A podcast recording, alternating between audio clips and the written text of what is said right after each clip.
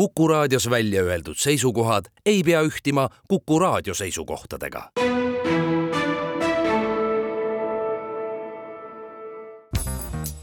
järjejutt.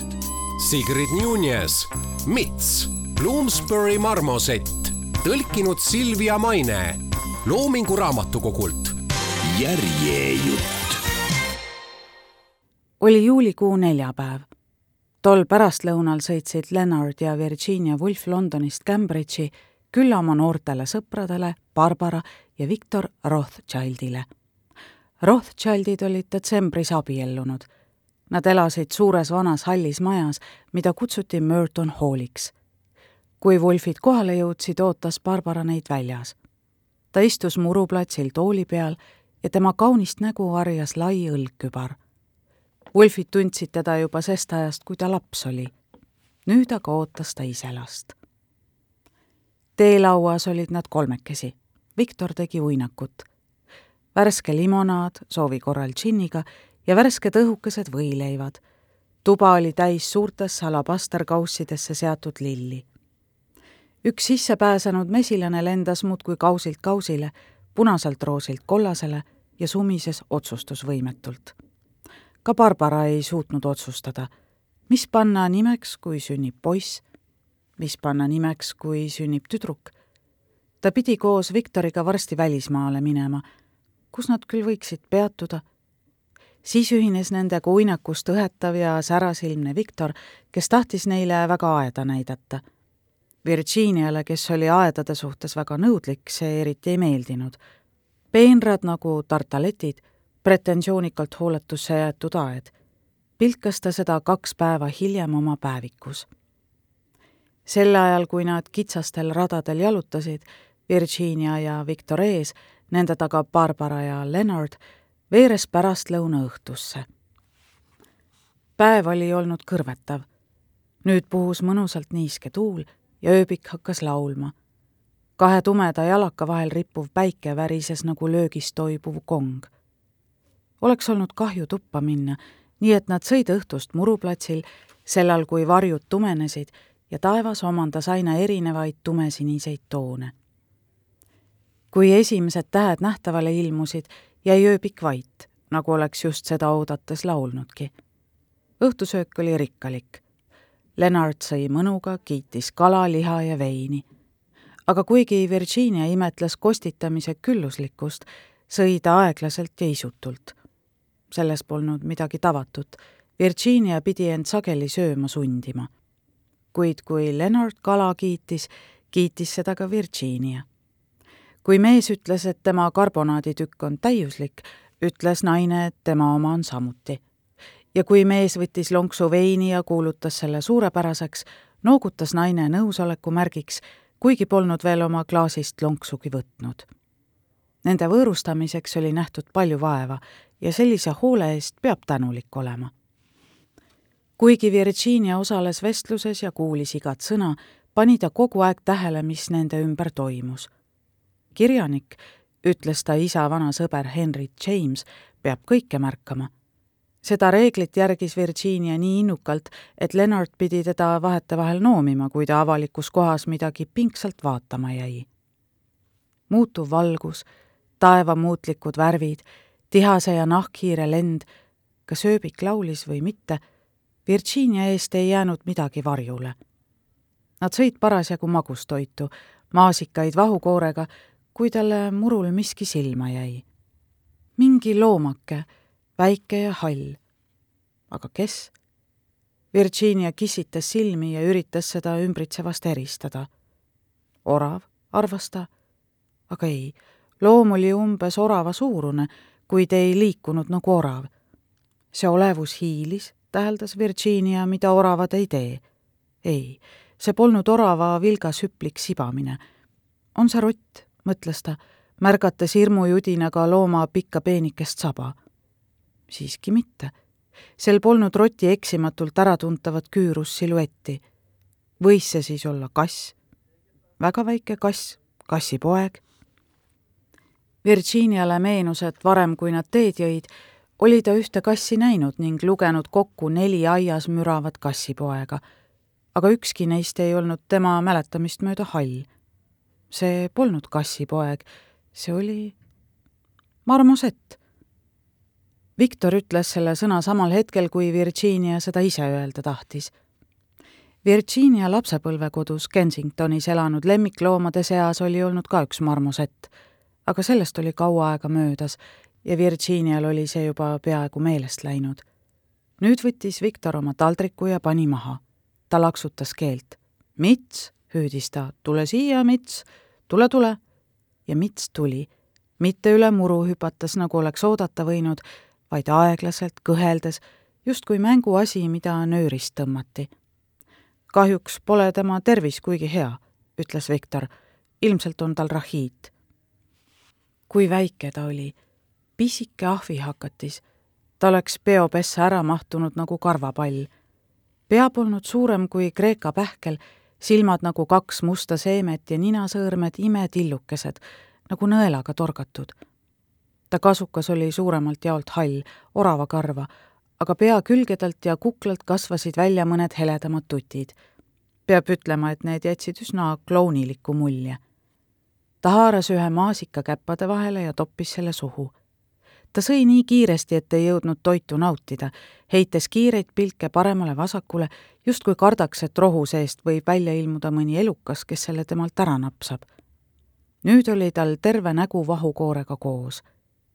ta võttis ikka veel mäludes uue marja ja hakkas seda suhu toppima. teised naersid, aga Virginia vaatas kõrvale. aplus oli talle vastumeelne mulle ei meeldi ahnus, millega mõned inimesed nätsutavad, mäluvad sousti riibuvad, kirjutas ta kunagi oma päevikusse, valades teatud õhtusöögikülalise peale viha välja. aga Virginia oli liiga võlutud, et pilku kauaks kõrvale pöörata. selles paljas väikses näos oli midagi inimlikku, liiga inimlikku. Virginia oli alati arvanud, et haldjate näod võiksid ehk sellised välja näha. haldja nägu, närilise keha ja saba, see kombinatsioon tegi Mitsist tõelise imeeluka. Mitsi vaadates võis mõelda, kui kentsakas ja juba järgmisel hetkel, kui armas, aga siis jälle, kui kentsakas. kust ta pärit on, uuris Lennart. pärit on ta Lõuna-Ameerikast, vastas Viktor. mina leidsin ta vanakraami poest, ostsin ta Barbarale Barbara ei kostnud selle peale midagi, aga silmade pööritamine rääkis enda eest. Virginia sai aru, isegi terve ahv oleks olnud lapseootel naisele üsna veider kingitus, aga veel haiglanahv. teate, mis selle liigi puhul naljakas on? ütles Viktor, kellele vahest samuti tol hetkel ta naise seisund meenus. isased aitavad emastel sünnitada. Virginial jäi suu ammuli. uskumatu pilt kerkis silme ette. Kuidas? mis? meie ei usu, et meie seda teada tahame pistis Barbara vahele, pööritades jälle silmi ja patsutades õrnalt oma ümarat keskkohta. laps pidi sündima septembris. teener tuli lauda koristama. Virginia märkas Lennardi poole vaadates, et mees kortsutab kulmu ja teadis enda arvates täpselt, millest ta mõtleb. vanakraami poest. mida see vaene olevus küll vanakraami poes tegi? Viktoril oli õigus. Mits oli haige see kõhklev kõnnak tähendas ilmselt tõesti rahiiti. loomakese karv polnud nii läikiv, kui oleks pidanud, vaid kare ja kuivavõitu, mõni üksik kiilas laik siin-seal, kus võisid olla paranevad haavandid. tema kaela ümbritsev karv oli kulunud ja nahk ära hõõrutud. tundub, et Mitsi oli kunagi ketis hoitud, marjad alla kugistanud ja iga viimse kui piisa vahukoort ära limpsinud, tõi Mits kuuldavale häälitsuste jada kileda vadistava pärdikulause, mis lõpus kerkis nagu küsimus. kuna keegi sellest aru ei saanud, ei osatud ka vastata.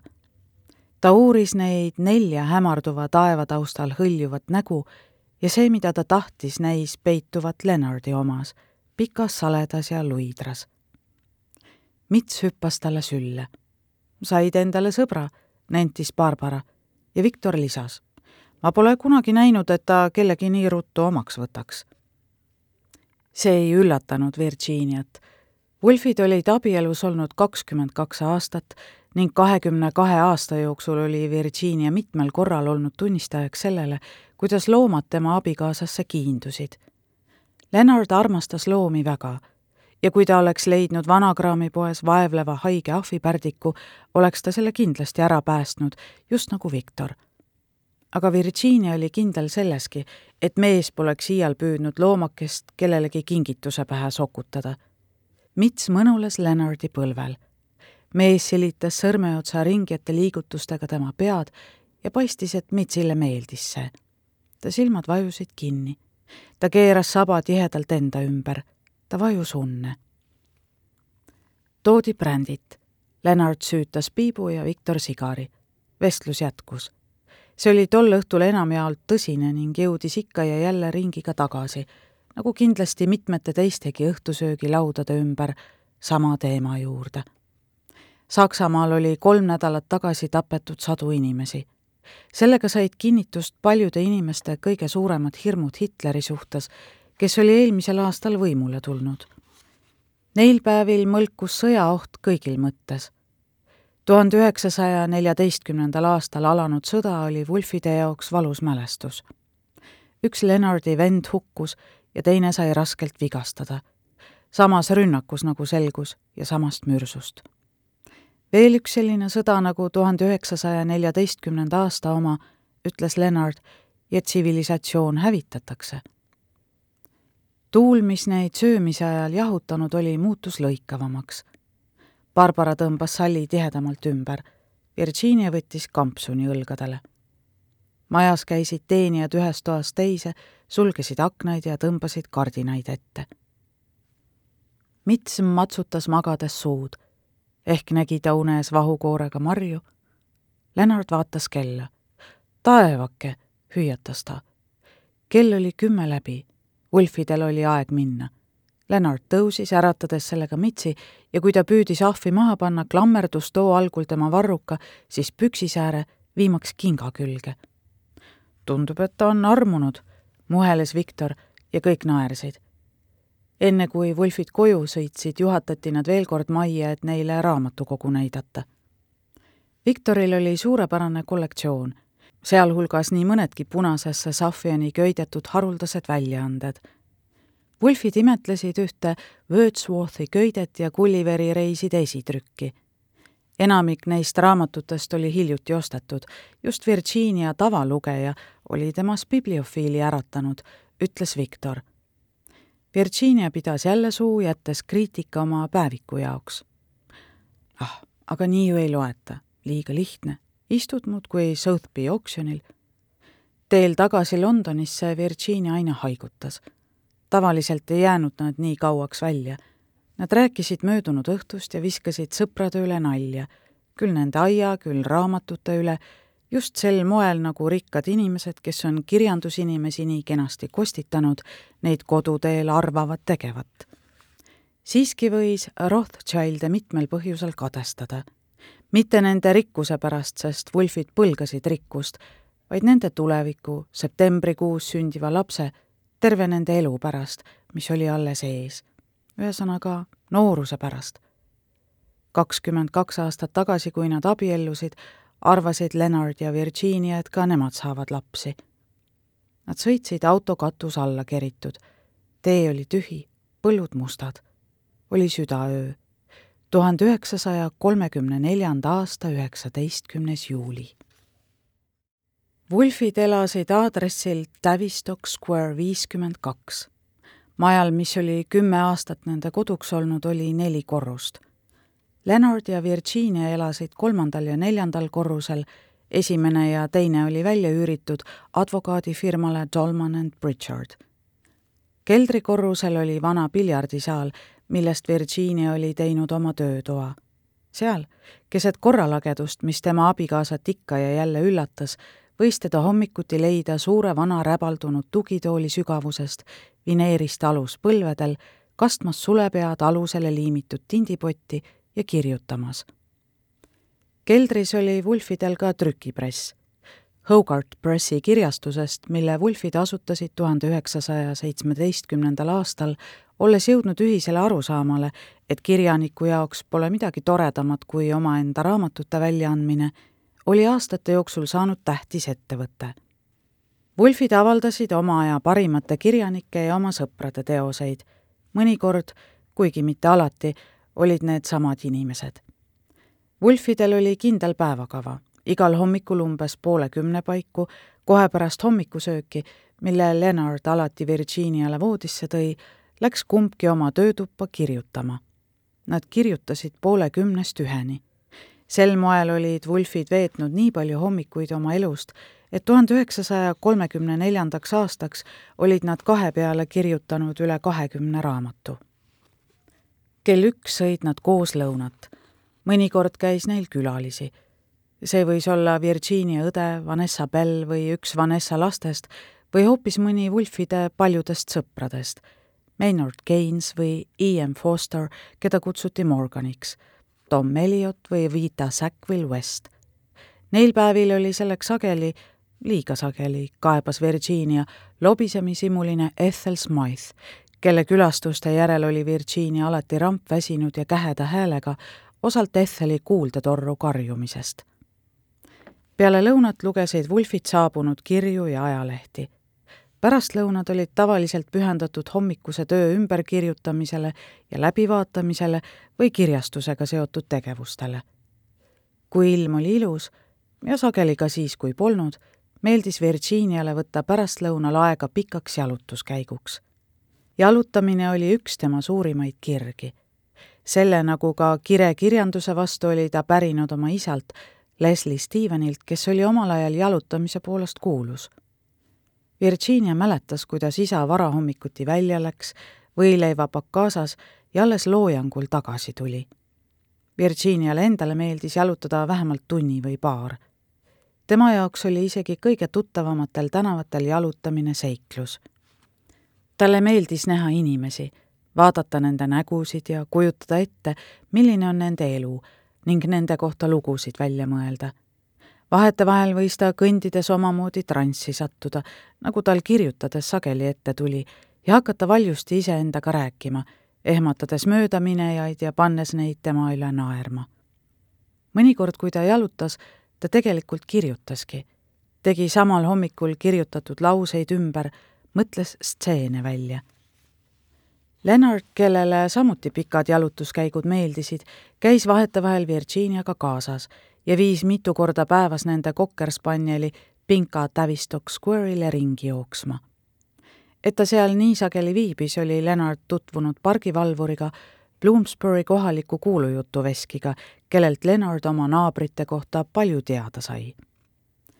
teed serveeriti pool viis ja õhtusööki kell kaheksa ning nagu öeldud, ühinesid Wulfidega nende söögikordade ajal sageli külalised Wolfidel oli suur sõpruskond ja neid kutsuti palju külla. Neile meeldis inimestega kohtuda ja vahetevahel ka kontsertidel või kinos käia, kuid kõige kõrgemalt hindasid nad vaikseid õhtuid kodus. pärast õhtusööki keeras Lennart mõned sigaretid ning nad istusid ja suitsetasid, lugesid või kuulasid raadiost või grammofonilt muusikat. Lennart ja Virginia armastasid muusikat, nad armastasid Beethovenit, nad armastasid ooperit Wolfidel oli teenija nimega Mabel Haskins. Mabel toimetas nende juures iga päev ja käis poes, tegi süüa ja koristas ning nad poleks loomulikult saanud ilma temata niimoodi elada, nagu nad elasid, sest kui nad oleksid pidanud ise poes käima ja süüa tegema ja koristama, kui palju oleks siis jäänud aega lugemiseks ja kirjutamiseks ja raamatute avaldamiseks Wolfidel oli veel üks maja, mis asus Sussexis, Rodmeli külas, Tavistock Square'ist umbes kahetunnise sõidu kaugusel. see oli Monk's House, seitsmeteistkümnenda sajandi maamaja, mis asus küla kirikuaia kõrval. Monk's House'i toad olid väga väikesed, puittaladega kaetud madalate lagede ja kivipõrandatega. krundil oli ka pisike aiamajake, kus Virginiale meeldis sooja ilmaga töötada. ta nimetas seda oma lehtlaks Wolfid olid Rodmelis käinud juba tuhande üheksasaja üheksateistkümnendast aastast ning möödunud aastad olid toonud kaasa palju muutusi. Monks House'i tõid need veevärgi, elektri ja külmkapi. mõistagi tegid need moodsad mugavused igapäevase elu palju mõnusamaks ja Wolfid olid nende eest tänulikud. kuid need aastad olid toonud ka muutusi, mis polnud nii väga oodatud. iga aastaga ehitati sellesse Inglismaa maa kohta midagi juurde ja veidi aja eest oli varem kaunist vaadet pakkunud maastiku keskele kerkinud tsemenditehas. juba olid heitgaasid hävitanud nii mõnegi puu ning müra ja hais olid sageli täiesti väljakannatamatud. mõnikord tundusid väljakannatamatud, vähemalt Virginiale, ka Rodmeli lärmakad lapsed, kirikukellad ja koerad.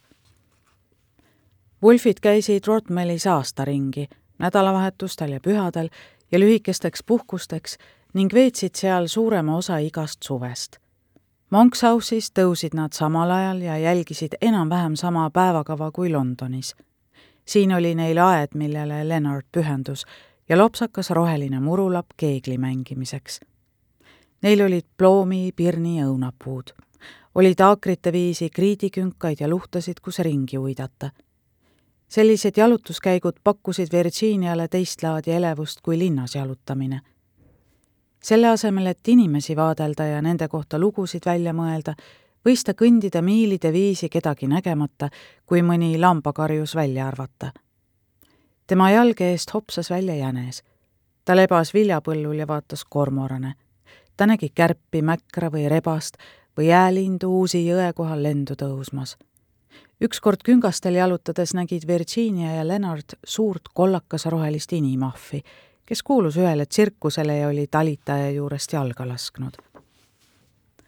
maal aitasid Wolfe veel koristaja Louis Everest ja aednik Percy Bartholomew. seltskondlikke kohustusi ja külalisi oli vähem. tegelikult oligi Monks House'is ruumi vaid ühele külalisele ja Pinka sai vabalt ringi joosta umbes nädal pärast seda, kui Leonard ja Virginia Merton Hallis käisid, sai Leonard Victorilt kirja Rothschildid hakkasid end reisile sättima. Nad kavatsesid mitmeks nädalaks välismaale minna ega teadnud, mida Mitsiga peale hakata. Viktor mäletas, kui hästi Mits ja Leonard läbi olid saanud ja küsis, kas Leonard oleks nõus ta nende naasmiseni enda hoole alla võtma. aga mis Pinkast saab? küsis Virginia. oma nime peale heitis põrandal lamav Pinka pead tõstmata pilgu ülespoole ja liputas oma lühikest sabajuppi Spaniel oli ikkagi jahikoer. mis siis, kui Pinka arvab, et Mits on lihtsalt saakloom nagu jänesed, keda Pinka Rodmelis keeldudest hoolimata taga ajas ja kahjuks mõnikord ka kinni püüdis? oleks ikka tore küll, kui tagasi jõudnud Viktorile peaks teatama, et Mits on surnud. ausalt öeldes ei arvanud Leonard, et sellise uudise peale pisaraid valataks. aga nagu ta Virginiale ütles, oli Lennart päris kindel, et kui loomi toas teineteisele õigesti tutvustada, peaks Pinka koduloomal ja saakloomal vahet teha oskama küll, ega oleks ka esimene koer, kes seda teeks. noores eas oli Lennart töötanud riigiametist Ceylonil, kus ta nägi sageli koeri, kitsede, jäneste ja kanadega sõbralikus üksmeeles elamas. kõige olulisem on neile aega anda, lasta neil oma tempos tutvuda ja mitte neid teineteisele peale suruda ja nii ta läkski King's Crossi raudteejaama, kus ta Mitsi ära pidi tooma. tagasi Tavistock Square'ile jõudnud, võttis Leonard enne korterisse astumist Mitsi välja karbist, kus oli teda hoidnud, ja pistis ta endale põue vesti alla. Virginia oli kodust ära, Wolfid pidid järgmisel päeval suveks Rotmelli kolima ja tal oli enne lahkumist palju asjatoimetusi Lennart läks elutuppa ja otse oma harjumuspärase tugitooli juurde. ta istus, võttis Timesi kätte ja hakkas lugema. oli eriliselt sooja päeva palavaim tund ja Pinka lebas siruli põrandal poolunes lõõtsutades. Mits püsis paigal, pea Lennarti vestikaelusest välja piilumas. ta värises. Lennart tundis seda imepisikest värinat oma rinna vastas ja taipas, et kui palav ka ei oleks, oli troopikast pärit Mitsi jaoks Inglismaal alati liiga külm. pool tundi läks mööda. Mits ei teadnud Pinkast midagi. Pinka ei teadnud Mitsist midagi. siis otsustas Pinka, et on aeg jalutama minna. ta tõusis, haigutas, raputas end ja vantsis Lennardi tugitooli juurde. Lennart voltis ajalehe kokku ja pani kõrvale. loomad nägid teineteist esimest korda. mida? Haugatas Pinka ja astus kaks sammu tagasi. ta pööras pead küljelt küljele ja tema mõtted käisid sama rada kui Virginial Merton Halli aias nädal tagasi. on see orav või rott? sellisel hetkel mõistab koer teha ainult ühte asja ja selleks on pikk põhjalik nuhutus. Pinka tõusis tagajalgadele ja pani käpad Lennardi põlvedele. Lennart tundis, kuidas mits tema ribide vastas krõnksu tõmbas, kui suur karvane nägu talle lähenes. kuid Lennart püsis paigal täiesti ükskõiksena siis teistel meestel ei kasvagi rinnust marmoseti pea välja. Mits püsis samuti paigal ega pööranud pilku sellelt mustalt ümaralt, niiskelt nuuskivalt asjanduselt, mis talle lähenes. ja kui see must ümar niiske nuuskiv asjandus temani jõudis, ta ründas. Pinka tõmbus tagasi. Mits polnud teda tugevasti hammustanud. see oli väike näksakas tiba tillukeste hammastega ja ei teinud tegelikult Pinkale isegi haiget sellegipoolest oli see hammustus ja seda ei võinud nii jätta. Pinka ajas pea kuklasse ja ulgus. ja nagu vana rahu ise, pani Lennart ajalehe kõrvale ja küsis. ah, et lähme jalutama? aga muidugi, lähme kõik koos. väljas hõivasid Pinka tähelepanu Tavistock Square'i lõhnad ja ta unustas Mitsi sootuks. Kuniks Pinka mööda lillepeenraid ringi tuuseldas, tutvustas Leonard Mitsi pargivalvurile ning õhtuks teadis kogu Bloomsbury oma uuest väikesest asukast. ja sellel õhtul avastas Virginia, kuivõrd häiriv võib olla einetada lauas abikaasa vastas, kelle rinnust kasvab välja ahvipärdiku pea. vahest enamgi häiris teda Mitsi näoilme. milline kurvameelne väike olevus. ta näeb välja, nagu oleks äsja oma parima sõbra kaotanud. Paistab, nagu oleks terve maailma raskus ta õlgadel alles pärast õhtusööki riskis Lennart Mitsi lõpuks elutoa põrandale maha panna. algul istus ahvike kerra tõmbunult paigal ja lubas Pinkal end nuusutada. aga kui Pinka avas lõuad ja üritas kera suhu ampsata, hammustati teda veel kord, seekord keelde ja see tegi küll haiget. Pinka protestihuilged panid kogu maja värisema ja kihutasid Mitsi välgukiirusel tugitooli alla peituma Lennart kutsus Pinka enda juurde ja sügas teda lohutuseks tükk aega kõrva tagant. samal ajal palus ta Virginial tuua keldrist suure vana vitstest punutud linnupuuri, mis oli seal kolimisest saati olnud ja mida nad polnud veel jõudnud ära visata. Virginia tõi puuri üles ja pani selle Lennardi tugitooli juurde väiksele lauale ta tõi lagedale Maybeli õmbluskorvi ja otsis sellest välja mitu suurt siiditükki.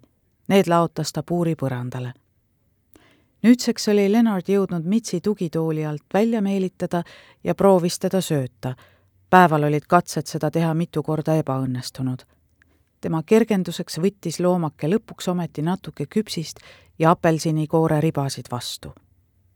kui Mits oli kõhu täis söönud, asetas mees ta puuri ning pärast valduste piinlikult täpset ülevaatust ja siiditükkide ümbersättimist tõmbus ahvike tihedalt kerra ja jäi magama nii jäigi.